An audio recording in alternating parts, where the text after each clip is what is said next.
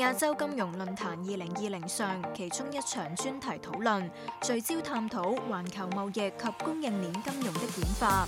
大会邀请多位嚟自银行及金融服务界别嘅领袖分享观点。渣打集团行政总裁温托斯系其中之一。So, global trade and finance were the main subject that you were dealing with at a panel discussion here at the Asian Financial Forum. What is the main message that you have for people who are listening to that discussion? I think the, the subject of global trade is on everybody's mind these days because of what we've been through over the past year with, with real challenges. Not just the past year, but really the past several years.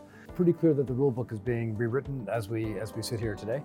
Uh, and certainly the job of Standard Chartered is just to try to find a way to continue to extract the, the, the value from for society from global trade without leaving quite so many people behind. And really looking at the values that, that uh, Standard Chartered can bring to the party, you're looking at financial technology, you're looking at digitalized banking. Are these the areas that are going to be for the future? So I think there's there's the mechanics. Uh, once the trade is taking place, how do we make sure that it's happening as, as frictionlessly as possible? And that's a whether it's using uh, blockchain for various forms of, of record keeping and, and, and transaction tracking, uh, or whether using other forms of technology, other payment mechanisms, uh, other other assurance mechanisms, uh, dealing with the, the issue of, of financial crime, the way money moves across borders, the way law enforcement wants data to be presented. These are the things that can reduce the friction in trade, which, which hopefully can lead to a, uh, a- another period of rapid global growth. Some of the, the, the big exporting countries are also large importers now. They're large consumers.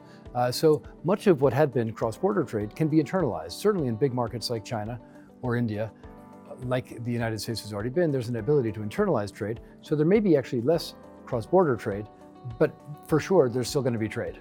But within that concept, then, you'd also see, particularly in China, you would see the greater Bay Area as being particularly significant into the future. I think that's that, that's that's one of the the call it internalization mechanisms that will be very powerful in terms of the way trade operates prospectively. The Greater Bay Area represents a fantastic opportunity for China, for Hong Kong, for Macau, really for the world to have this this this zone of 90 million plus people growing quickly with a with a heavy technology component with Hong Kong as a financial center.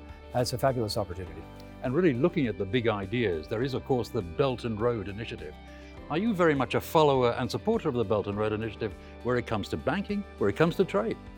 We are very much so. So Standard Chartered operates in, uh, in 46 of the Belt and Road countries. I think more than any other any other bank. Uh, we have a big business in China and Hong Kong. Of course, we have uh, businesses throughout Asia, the Middle East, uh, and then Africa. So that whole Belt and Road swath is uh, is our backyard.